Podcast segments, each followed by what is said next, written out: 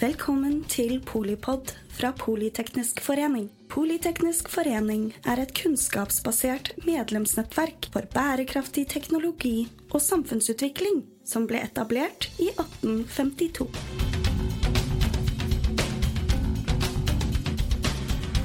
Velkommen til Polipod direkte inne fra Arendalsuka med Bernt Reitan Jensen, administrerende i Ruter. Takk for at jeg fikk komme. Bernt, hva burde vi snakke om når vi snakker om politikk? Nja, jeg tror vi kanskje vi skal snakke litt om eh, kompetanse. Mm. det skjer så mange spennende ting i verden. Det har sikkert mange sagt om alle tidspunkt i verden, men eh, akkurat nå syns jeg faktisk på teknologisida det går fortere, og det skjer mer transformative endringer. Og det håper jeg at vi alle kan bidra til å inspirere politikerne til å skaffe seg mer innsikt i. For de skal ta veldig mange viktige beslutninger, egentlig fra i går og nå framover. Og at de er kompetente, og at vi bidrar til å vi som jobber i ulike sektorer som er, inn, som er, under innflytelse av denne teknologien, bidrar til at de kan se fremover og, og øke forståelsen for det som ligger foran oss. Så har vi jo veldig gode både politikere og embetsverk. Med kompetanse så er det jo kanskje spesielt det, disse teknologiske, liksom ekstreme, raske endringene nå, da, som, som, man nesten ikke Nesten ingen har på en måte utdannelse eller, eller sånn sett er arbeidserfaring med det, fordi det er, det er noen måneder gammelt, og det Så hva gjør spesielt kunstig intelligens da til liksom et sånt kompetansebehov? Ja, det, ja det, det, er jo et område som jeg vil si har forutsetninger for å påvirke nesten alle aspekter ved livene våre. Mm. Og på både godt, selvfølgelig, det kan gi oss fantastiske tjenester. Men det er også noen klare utfordringer med teknologien. Både hva vi skal bruke den til, og ikke minst kanskje hva vi ikke skal bruke den til. Og ikke minst hvordan vi skal beholde en kontroll på den utviklingen som gjør at vi ikke kjører inn i sidespor eller aspekter ved den teknologien som gir oss nesten uforutsigbare utfordringer. Det vet jo jeg at dere har jobbet med, også før det ble før det liksom blåste og ble allemanns si, AI kom på allemannslepper. Så fortell litt om det, da. Dette startet jo egentlig med eh, Jeg si, jeg har en gammel avisartikkel som min svigermor trodde var aprilsnarr i, i, i, Aftenposten, hvor det står at Ruter skal bli et dataselskap. Eh, det var vi veldig tidlig med å innse at vi var i ferd med å bli. For det er jo de dataene vi genererer om både brukeratferd, om kjøretøyer, om behov til kundene våre, som er selve maten til de algoritmene eh, som etter hvert blir mer og mer preget av kunstig intelligens, som skaper de tjenestene som gjør at folk eh, får en atferd på eh, transportsiden som gagner fellesskapet, og ikke er på bekostning av fellesskapet. Mm. Det er kjempespennende, Og så forbedrer på en måte tilbudet deres på Selvfølgelig, det er jo det det handler om. Det er jo det jeg er opptatt av. Ja, det skulle bare mangle. Og jeg tror veldig mye av det vi må forstå for å håndtere denne teknologien for å skape mest mulig verdi, er at vi må ta et kundesentrisk utgangspunkt. Hvis vi prøver å bygge den, bygge den opp fra infrastruktursida, det, det, er egentlig sånn vi ofte, vi som jobber med offentlige strukturer, vi tenker sånn hvor mye infrastruktur skal vi bygge, hvor skal broa stå og sånne ting. Men jeg tror at hvis vi gjør det her, så blir vi på å si, nedrent av utfordringer. Altså, det blir rett og slett for stort. Altså, vi må velge. Og da må vi gå til den andre enden. Gå til kundene, eh, gå til brukerne, til de som skal eh, si, få bedre tjenester. Eh, og se derifra hva slags data kan vi bruke, og hva slags ja, algoritmer er det vi trenger for å lage de tjenestene som gjør at du får en bedre hverdag og får et bedre tilbud. Ja, for du snakker om løsninger, og du snakker om valg, og du snakker på en måte litt sånn atypisk sånn sektorinndeling. Eh, og dere har gjort det eh, over et eh, langt stykke tid. Dere har drevet mm. med data, si, kvalitet og, mm. og, håndtering lenge, da. Men hva gjør dere spesifikt på AI nå, da? Jeg kan ta, jeg kan ta noen eksempler. Da. Jeg tror vi har snart 20 ulike si, AI-støttede produksjonsprosesser. Altså, som faktisk er i produksjon. Altså, ikke sånn vi leker med pilotere, prøver å forstå. Vi, ja, jeg kan ta, vi bruker f.eks.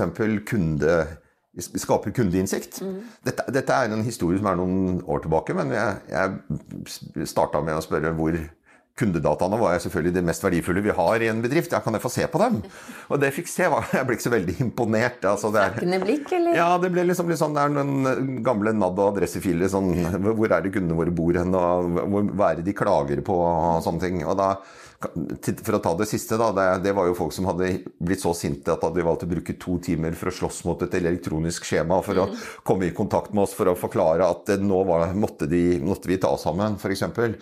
Mens det vi så at vi kunne finne de dataene på, i sanntid på en helt annen og mer mm. spennende måte. Så vi scraper, som det heter, da, på mm. åpne datakilder, eller data som kundene har gitt si, leverandøren av tjenesten tilgang til, som f.eks. på Twitter og Facebook. Mm. Der snakker de jo om oss, ikke til oss, men de snakker om oss. Mm. Så ved å finne de dataene, så kunne vi lære veldig mye mer av Ja, vi kunne se i sanntid, f.eks. på et kart hvor, hva kunden er opptatt av på et bestemt sted i, akkurat nå. Og da kunne vi f.eks. se at på Veitvet akkurat nå, på én bestemt buss, er det mange som er opptatt av at det er for varmt. Ja. ja. Og da kunne jo vi, istedenfor å si at vi har fått en klage på at det er for varmt, si til alle operatørene våre uh, uh, se, Sjekk aircondition på bussene. Så kunne vi si den bussen der har et problem. Den funker når den kjører om morgenen, men når den kommer til Veitvet, da har det antakelig skjedd noe som gjør at bussen blir for varm. Og så kunne vi reparere den bussen mm. istedenfor å plage alle med å, si, å se, bruke masse ressurser på å finne ting feil som vi nå kan si akkurat hvor er hen. Rett og slett ved å bruke kundedata fra andre kilder for å forstå. Det, det, det er egentlig bare ett eksempel. Og så kan du si at vi kan til og med se hvor sintere de er, for vi har språkmodeller som måler temperaturen i språket. Så jeg kan si er det rødt, grønt eller gult. Sånn, det som heter et tacodiagram. Så en kundedata i sanntid om hva vi leverer. På å si, forsterket av algoritmer som gjør at vi faktisk kan rette opp mm. det kundene faktisk klager på. Det er bare et begynnelse på hvordan vi kan skape tjenesteforbedring. Eh, du blir jo mer målrettet da, da, når du vet uh, hvor skoen ja. trykker. Liksom, og det blir veldig mye billigere. For vanligvis må, måtte vi jo rette sånne feil med bred pensel. Mm. og det er ganske dyrt mm. å, å lete i 1400 busser etter den bussen som Eller det er ikke, det er overdriver litt, da, for vi, vi, kunne i hvert fall ta alle bussene som gikk i Oslo øst. Mm. Men det er veldig mye dyrere når vi faktisk egentlig kunne bruke sånne kilder til å mm. finne feilene. Og først og fremst da skape bedre kundeopplevelser men også gjøre det på en mer effektiv og billig måte. Så er det jo noe ekte intelligens med i bildet òg. Altså, det er jo når den kunstige intelligensen hjelper til liksom helt konkret problemløsning, så, så, er det jo ikke ulv, ulv hver gang det kommer et eller annet eh, liksom forbedringsvarsel. ikke sant? Da blir det jo den, Det står jo stort sett en mann eller dame i andre enden og, og skal fikse Eh, temperaturen, da, f.eks. Ja, ja jeg, tror, eh, jeg tror at kunstig intelligens i godt samarbeid med god gammeldags intelligens mm. er, en, er, en, vinner, da. Mm. Men, men, jeg tror jo at eh, det vi må lykkes med, hvis vi skal endre transportatferden i, i vår region til en mer bærekraftig måte, så må vi evne å konkurrere bedre med det store alternativet mm. som er i dag, som er bilen. Mm. Og bilen er jo en leveranse av bevegelsesfrihet. Ikke nødvendigvis bare transport. Vi bruker den jo bare 5, 5 av tida. Så 95 av tida så er bilen for de fleste opplevelsene å ha tilgang til transport. Mm. Og det er det vi må gjenskape, tror jeg, hvis vi skal gjøre et transportsystem som er mer delt og mer ressurseffektivt, så attraktivt at de fleste av oss har lyst til å la bilen stå oftere enn det vi gjør i dag. Og jeg tror at hvis Kanskje ikke kjøpe den ekstra bilen? La, la oss si at istedenfor å tenke sånn ja, da skal vi forby alle biler, ja. kan, vi si, kan vi gjøre det så bra at mange i hvert fall dropper bil nummer to, mm. så er det en veldig god begynnelse. Og så er jo bilen litt mer, da. Bilen er jo, det er jo litt den derre komforten å få lov å Det er jo litt sånn last uh, private space. ja, for noen er det jo det. Og det er klart at det er jo lenge siden at bilen sluttet å bare, bare være transport. da. Sånn at uh, Den har jo vært både statussymbol, frihetssymbol, uh, uh, bevegelsesfriheten per definisjon. så vi har en lang vei å gå før vi kan bli en, si, en komplett erstatning. Men jeg tror faktisk bl.a. kunstig intelligens kan bidra til å tilpasse tjenesten. Jeg tror det vi skal lykkes med, hvis jeg skal beskrive det kort, er tids, et tidsriktig, kompetent forslag. Hvis vi kan klare å komme på banen på akkurat rett tidspunkt hvor folk tar transportvalgene sine, med et kompetent, eh, både fordi vi forstår kundene og hvordan de vil velge, og hva de trenger for å kunne løse det oppdraget de da er i ferd med å, å måtte løse. Men få det til å fremstå som et forslag som gjør at faktisk folk opplever at de har et valg. Mm. Så, men først må vi forstå timing. Tidsriktig. Mm. Ikke sant? Vi, er vi for tidlig ute, så blir det mas. Og er vi for seint ute, så er det irrelevant. Mm. Så klarer vi å forstå timing bedre, og at forslaget må være godt og kompetent og løse behovet kundene våre har, og at de kan velge, det kan vi bruke kunstig intelligens til. Og rett og slett bruke de dataene vi har i dag, både til å forstå timing, både til å forstå hva vi skal foreslå, og finne det øyeblikket hvor kundene faktisk endrer atferd, og opplever det positivt, og velge mer bærekraftige og grønne løsninger. Jeg tar jo trikken hver dag, jeg, til byen, men eh, det er jo også noe med Eh, kunstig intelligens mulighet for å eh, egentlig løse flere oppgaver eh, på en gang. Da. Og, det henger mye sammen med byutvikling, henger mye mm. sammen med egentlig bærekraftig og, og smart si, både sirkulær økonomi og så det er noe med Dere, dere er jo i hjertet, i hvert fall i, i Oslo, da, som mm. er min by. Så har dere på en måte blodårene mm. Men hvordan Altså, dere har jobba lenger med data, eh, meg bekjent. Mm. Eh, hvordan jobber dere med litt andre, kall det, sektorer? Og, og, er dere Kobles det på liksom hvor, hvor eh, jeg, jeg, jeg, mener jo at eh, data som flyter på tvers Altså, vi har jo masse data som eh, ikke bare er interessante for oss. De er kanskje mindre interessante for oss enn det de er for mange andre. Jeg har jo brukt mange eksempler på det. Et av dem er, som jeg, jeg har hørt mange ganger fortelle, er jo vindusviskerne på bussene. Altså det er sånn, ja. Gitt at vi nå har alle disse sensordataene fra bussene i sanntid, så kan jo vi fortelle akkurat hvor i Oslo det regner. Ja. Så, så vi har jo mer innsikt i hvor regnbyga er enn, enn det egentlig nesten Yr har. Ja, det er det, ja. Så vi kan fortelle når du må ta ut markisen akkurat ti sekunder før det begynner å regne. Men vi så jo også at så det tenkte vi Kanskje noen er interessert i de dataene. Men vi så jo også at hva er den største kilden til forsinkelser i trafikken? Ja. Det er at det regner. Mm. Ja. Så det at vi nå bruker de dataene til å endre på hva forecasten om når, hvor lang kjøretid er det vi har. Vi vet, når vi ser at det begynner å regne, og hvor det begynner å regne, så påvirker det direkte når faktisk bussen kommer fram til neste holdeplass. Ja. Så vi trodde de bare var interessante for andre, men nå oppdaget vi faktisk at de dataene også er veldig interessante for oss. Men ved å gjøre denne type data tilgjengelig, så kan vi få masse innovasjon, vi kan få nye mm. tjenester. Men da må vi gjøre det mulig også å lage forretningsmodeller. Så ikke den dagen vi finner ut at nei, de dataene er ikke så interessante for oss, og de, de koster det masse å lagre, og, ja. så de slutter vi bare å samle på. Så er jo det litt dumt hvis noen har bygd hele forretningen sin på å få tilgang på de dataene. Så jeg tror vi rett og slett må, må, gjøre en oppdatering av hvordan vi tenker om offentlige data. Mm. For før så tenkte vi sånn La bare legge dem ut på fuglebrettet, og så kommer mange og tar dem. og det, så så vi vel at det, var, det, kom bare noen store kråker, og det var ikke så mange gründerselskaper som stolte på offentlige data som det offentlige egentlig ikke brukte til noen mm, ting. Mm. Fordi de rett og slett var for dårlig kvalitet og altfor uforutsigbar tilgjengelighet. Så skal vi skape verdier av data, så må vi, og spesielt offentlige data, så må vi eh, se hva vi har lært nå om hva som skal til for å skape gode forretningsmodeller. For vi har så ufattelig mange av dem i Norge, kanskje mer enn noe annet sted, fordi vi har en så digitalisert offentlig sektor.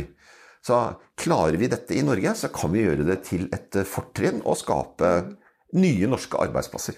Og Da er du egentlig litt tilbake til eh, det du begynte med, da, litt eh, politisk i det. det er jo noe, altså Vi har jo dataserier, altså alt fra Kreftregisteret på en måte, mm, til mm. Brønnøysund og ikke mm. Det, er, det er eh, world class, både datakvalitet og, mm. og serier, og, mm. og, kanskje også mm. anvendelse. Men, men det er litt sånn fragmentert, da. Ja, og så har vi vi er jo veldig gode på og tar personvern veldig alvorlig i Norge, og det er veldig, veldig bra. men på mange sett og vis så går det an å bruke disse dataene også med godt personvern. Så det at vi faktisk altså, ikke får personvernangst, men faktisk jobber proaktivt og med embedded privacy, som vi sier det på nynorsk, altså at, at, vi starter med godt personvern som utgangspunkt, og ikke får det tredje inn i prosjektene etterpå, så tror jeg at vi har et stort handlingsrom eh, uten at det går utover integriteten og personvernet til, eh, til folk. Så, eh, men da må vi tenke litt smart. Vi må tenke litt hvordan kan vi anonymisere, hvordan kan vi eh, si, ja, gjøre det på måter mm. som vi ikke eh, ofrer noe unødig på dette området. Og hvordan opplever jeg at det faktisk gir meg en bedre eh, valgmulighet da, for f.eks. å ha muligheten til å stikke et sted hvis jeg har lyst til det, da. Og så kan jeg si at jeg, jeg brukte det eksempelet i sted med å ta data fra plattformer. Ja. Det største arbeidet med å kunne bruke de dataene fra kunder som mente noe om oss, mm. det var å vaske ut alle de personsensitive mm. opplysningene mm. som kunne hadde delt på åpne plattformer. Som hostes i veldig mange andre skyer enn eh, den norske. Så jeg tror at vi hver og en av oss også bør nok bli litt mer kompetente og oppmerksomme mm. på hva hva konsekvensen er at vi faktisk deler den type opplysninger. Mm. Og da snakker vi ikke liksom om hvor du er hen på et bestemt tidspunkt, men kanskje hva slags medisiner du tar, og hvorfor du er for sein. Altså, det er mm. helt utrolig hva vi ser folk mm. deler på plattformer som aldri burde vært der. Som ligger åpent tilgjengelig overalt. liksom. Ja, ja, Nei, så, men det betyr jo ikke at, eh, at ikke liksom alle type typer personvern og, og sånt skal, skal, ivaretas av profesjonelle aktører, da. Mm. Men uh, det er jo uh, liksom uh, Hva tenker du vi skal følge med på fremover? Nå har det gått sykt fort. du snakket så vidt om en språkmodell også. Men det er jo Og folk har alltid sagt at nei, utviklingen går så fort nå, så det gjelder å henge med. Men vi har jo blant annet et studentnettverk da, ja, ja. som er veldig oppegående ja. i Politeknisk. hva ja, hva tror du vi kommer Hva kommer de til å bringe til torgs? De er ferdige om et år eller to eller tre? Det, vi jobber jo på AI-området, eller KI, hva man velger å kalle det til slutt. Det er eh, veldig nært med eh, på si, undervisningsinstitusjoner. Jeg tror det er helt avgjørende at vi eh, si, gjør det. Vi jobber sammen med Oslo OsloMet, og vi har sommerstudenter og, mm. som jobber sammen med oss på mm. bl.a. det jeg nå beskrev som mm. denne modellen med for kundeinnsikt. Eh, det går, eh, det går eh, så fort, og de fleste nå kjenner AI gjennom ChatGPT, mm. som jo er en språkmodell. Mm. Og der, på den måten blir det liksom, kom vanlige folk i kontakt med deg. Og vi bruker når vi ser at det er litt lite i kjøleskapet, så kan du spørre ChatGPT om hva kan vi få ut av de ingrediensene, og, hva, og da kommer det menyforslag som gjør at hos oss er ChatGPT blitt en kokebok også. Ja. så og jeg, og jeg, ser jo liksom den oppdagelsen og hvor mye som Ny forretningsmodell for Ruter, da. Vi, Ruter... Man skal ha til middag, liksom. ja. Nei, men jeg tror eh, Ruter lanserer denne uka sin egen GPT, faktisk. Ruter GPT. Og det er fordi mange av de dataene vi bruker, eh, kan vi ikke laste opp på ChatGPT. Jeg mener i hvert fall vi burde ikke laste det opp Nei, på ChatGPT. Mm. Og derfor har vi nå i sommer trent vår egen språkmodell mm. sammen med studenter, som egentlig var det første spørsmålet, eh, som lanseres nå denne uka. Og vi er veldig spent på hva slags innsikt kan vi få ut av mm. den språkmodellen basert på norske transportdata. Eh, hva studentene skal studere, altså, eller hva de kan tilføre. Jeg kan jo si at vi har jobbet i tillegg til kunstig intelligens også med eh, kvantedata, eller quantum computing, som jo er neste generasjons databehandling. Man forlater, for å si det enkelt, forlater litt at det binære, altså at en bit kan bare ha to verdier, og det, kan være relasjoner mellom bit. og På den måten så får du en helt eksponentiell teknologi i bunn, istedenfor de begrensningene fra PC-verdens mm. begynnelse og den binære starten på datautvikling. Så det er virkelig en, en eksplosjon i, i, datakraft, men som egentlig er å bytte litt plattform. Og vi har begynt å jobbe med det rett og slett fordi vi får så store datamengder at dagens databehandlingsteknologi faktisk blir en begrensning.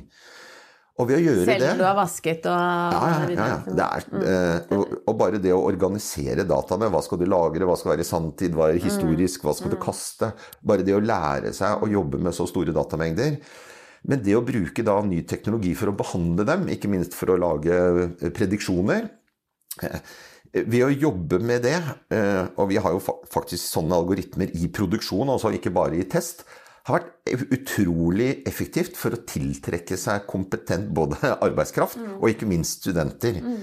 Så hvis du jobber med de spennende tingene, så får du også de spennende folka. Mm. Så vi, er, eh, vi, har jo sett det at vi har, vi ikke har hatt problemer med å fylle de jobbene. Eh, eh, og i tillegg så hjelper det jo et selskap som Ruter, som jo har en samfunnsnytte. Si det. Det er... Vi har en purpose med det vi driver med, og, som er attraktiv for mange studenter. Så jeg håper at vi kan bli enda mer attraktive enn det vi allerede er. For det, det, kommer vi til å trenge i denne kampen om den mest si, interessante, mens etterspurte arbeidskraften vi kommer til å trenge de neste årene. Nemlig den innsikten som er knyttet til både kunstig intelligens, men også andre disruptive teknologier som automasjon og ja, det, det, det, er veldig mye som skjer nå, som vil forandre vår bransje og tilbudet vårt til kundene i de neste årene. Og dette gjelder jo hele landet, det gjelder jo for så vidt hele verden. Men smartere mobilitet og, og mer intelligente løsninger og sånn. Så det er jo Og heldigvis så skal vi jo forflytte oss, eller har et ønske om å forflytte oss. sånn at det, ja, vi er vel et stykke Vi når jo nå hele landet, mener jeg. Og vi har jo mange, vi har liksom mange gode studenter med oss fra Trondheim, blant annet. Da. Nei, vi har, eh, vi har jo det er jo en god stund siden vi begynte å ansette folk som egentlig ikke har arbeidssted i Oslo. Ja. Eh, eh, fordi vi nå har så gode digitale plattformer at vi faktisk kan rekruttere folk, ikke minst innenfor dette området her, mm. som, som, kan jobbe fra Trondheim eller Ålesund eller Du henger med i svingene selv, syns jeg, Bernt. Det er litt morsomt. Ja. Nei, jeg syns jo dette er kjempespennende. Du kan jo ikke si det selv, men jeg kan jo si det til deg. for det, det, krever jo at en både kompetent og engasjert toppleder går i bresjen. For det er jo ukjent farvann Altså det dere gjorde for eh, fire og tre og to og ett og i morgen, mm. er jo eh, en vei inn i det ukjente. Sånn hmm. at, og det å få en organisasjon som det er jo ikke bare kubernetikere som jobber i Ruter, på en måte. Det er i høyeste grad ikke. så det å klare å altså Jeg har lyst til å høre litt grann. Hva er liksom det ledertipset ditt der? Jeg, jeg, jeg, tror jo at når verden ender seg raskt, så, det, heie, så heier jeg på én uh, egenskap, og det er nysgjerrighet. Mm. Du må finne en glede i å utforske og få svar på spørsmål. Mm. Og jeg er jo utrolig eh, Altså, mitt hjem er fullt av uh, mye teknologi som jeg har dårlig samvittighet for at jeg egentlig bare har kjøpt for å lære hvordan det virker. Ikke nødvendigvis å bruke det. For jeg, jeg syns det er kjempespennende å prøve å forstå hva er konsekvensene av mye av den teknologien. Mm. Hva kan det føre til, lede til, hva vil det forandre? Mm. Og for å forstå det, så må du på mange måter litt inni det. Du må skjønne hvordan det er, hvordan det, det funker. Det syns jo jeg er gøy å holde på med. Det, det skjønner Jeg har respekt for at ikke alle er lik meg der. Men det har vært veldig nyttig for meg. Og særlig det der med å prøve å forstå når, si, hva betyr trådløs teknologi? Hva betyr eh, data? Hva betyr eh, eh, kunstig intelligens eller droner eller andre ting? Mm. Eh, så er det rett og slett si hvilken transformativ kraft ligger i det. Og tar du med deg den tilbake på kontoret, eh, så, skal, så bidrar jo den type nysgjerrighet til en kultur. For folk opplever jo at det som liksom har fokus for selskapet, det selskapet er kjent for, det man blir nevnt i de sammenhengene mm. blir nevnt, det ønsker jo kulturen å forsterke. Mm. Du jo ikke gå rundt på, på si allmøter og si at nå i dag må vi gjøre sånn. Altså, det er en prosess som, som, fester seg i ryggmargen til selskapet, og som jeg tror har bidratt til å gjøre Ruter til et nysgjerrig selskap. Fordi de kanskje har en nysgjerrig toppleder, da. Ja. Jeg, ja. Det, jeg må jo Nysgjerrig og litt leken, vil jeg si. da. Ja, ja. selvfølgelig er det en stor sammenheng. Og, eh, og raushet nok til å feile, på en måte. Teste fordi du har nysgjerrighet til å undersøke, men også da gå videre hvis det er eh, noe som ikke er bra. Vi har testa selv. Jeg er jo sosialøkonom, ja. samfunnsøkonom. Eh, dette, denne Arendalsuka så tester vi helt nytt eh, podkastutstyr. Ikke, redder ikke verden med det, men det er utrolig fett. Det er ingen mikrofoner som står i veien. Vi sitter og prater. Det er utviklet på Sintef. Norsk design, norsk teknologi. Superbra lyd. Håper jeg dere som hører på, også og det var jo, det var jo en, et innfall Eh, og som eh, er garantert suksess, da. Som ikke jeg kunne noe om, men som jeg har måttet eh, liksom skru opp og sjekke hva jeg egentlig er. Lært meg masse jeg er, jeg er jo kjempe, kjempenysgjerrig. Jeg har ja, jo ikke sånn. Jeg ser du har lyst til å trykke på det. og jeg har mye sånn lyd- og bildeutstyr hjemme. Og at vi kan komme med banebrytende innovasjon og skape gode løsninger i Norge, det syns jeg er kjempekult. Vi er jo et høykompetent samfunn med mye ressurser. Mm. Og du nevnte prøve og feile. kanskje det viktigste mm. vi må lykkes med både å utvikle og holde på. Og vi som offentlig eid virkemiddelselskap eh, jeg, jeg, bruker jo å si at offentlige anskaffelser og den offentlige sektor i Norge, som jo vi har valgt å gjøre veldig, veldig stor mm. hvis, hvis, vi ikke klarer å hente innovasjonskraften ut av den sektoren, så er det det, si, det, er det største uutnytta potensialet vi har. Men, men, skal vi lykkes med det, så må vi altså tåle å gjøre feil. Og vi er jo dårlig rigga for det i utgangspunktet. Mm. For egentlig så har vi jo halvparten av styret, hvis du kan tenke deg det, ja. demokratiet som et styre, de er på jakt etter at noen gjør feil, sånn at de kan få sparka styrelederen, holdt jeg på å si. Mm. Og, det, og det er jo en ganske eh, Det er jo helt annerledes forretningsmodell enn det du har i et selskap hvor styret liksom heier på administrasjonen mm. og, eh, og, og støtter eh, på sin nysgjerrighet og til og med at man gjør feil. Men jeg syns jo vi har fått til mye gjennom en tillitsspiral. Det vil si at ved å levere så får du tillit, og får du tillit får du handlingsrom. Mm. Og får du handlingsrom, så kan du bruke det til å tåle å ta risiko. Mm. Ikke sant? Og det, og det syns jeg Hvis man kan få til det også i andre deler av offentlig virksomhet altså at man, Vi har mye tillit i Norge, men at vi også omsetter den tilliten til at vi gir offentlig sektor mer handlingsrom. Mm. Og at man også i det handlingsrommet tåler at man prøver på ting som kanskje ikke gikk så bra som man hadde håpet, og at man da heller prøver noe annet, det gjør at vi kan få opp fart, og vi kan finne nye veier og skape nye verdier.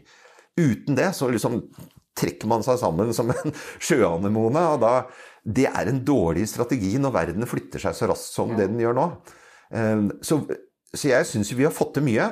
Men jeg tror potensialet er enda større hvis vi kan lykkes med det. Og gjør vi det klokt, så kan vi kanskje også bruke det til å skape ny virksomhet, ny industri. Kanskje nye norske eksporteventyr, mm. hvis vi treffer godt. Men det kommer vi ikke til å gjøre hver gang, og da må vi også tåle at noe går galt. Det syns jeg eh, var et kjempegodt råd inn i både Arendalsuka og generell politikk og jeg vil si selskapsutforming. Det er eh, kult. Mm. Tusen takk for eh, praten, Bernt. Reitan Jensen, administrerende i Ruter. Tusen takk for at jeg fikk komme. Og takk til deg som hører på. Jeg er helt sikker på at du kan gønne på med enten det er kunstig eller ekte intelligens i, i jobben du gjør. Takk, takk. Takk for at du lyttet til Polipod fra Politeknisk forening. Få med deg flere episoder, eller bli med på nettverksmøtene, som du finner ved å søke at polyteknisk, eller gå på vår hjemmeside polyteknisk.no.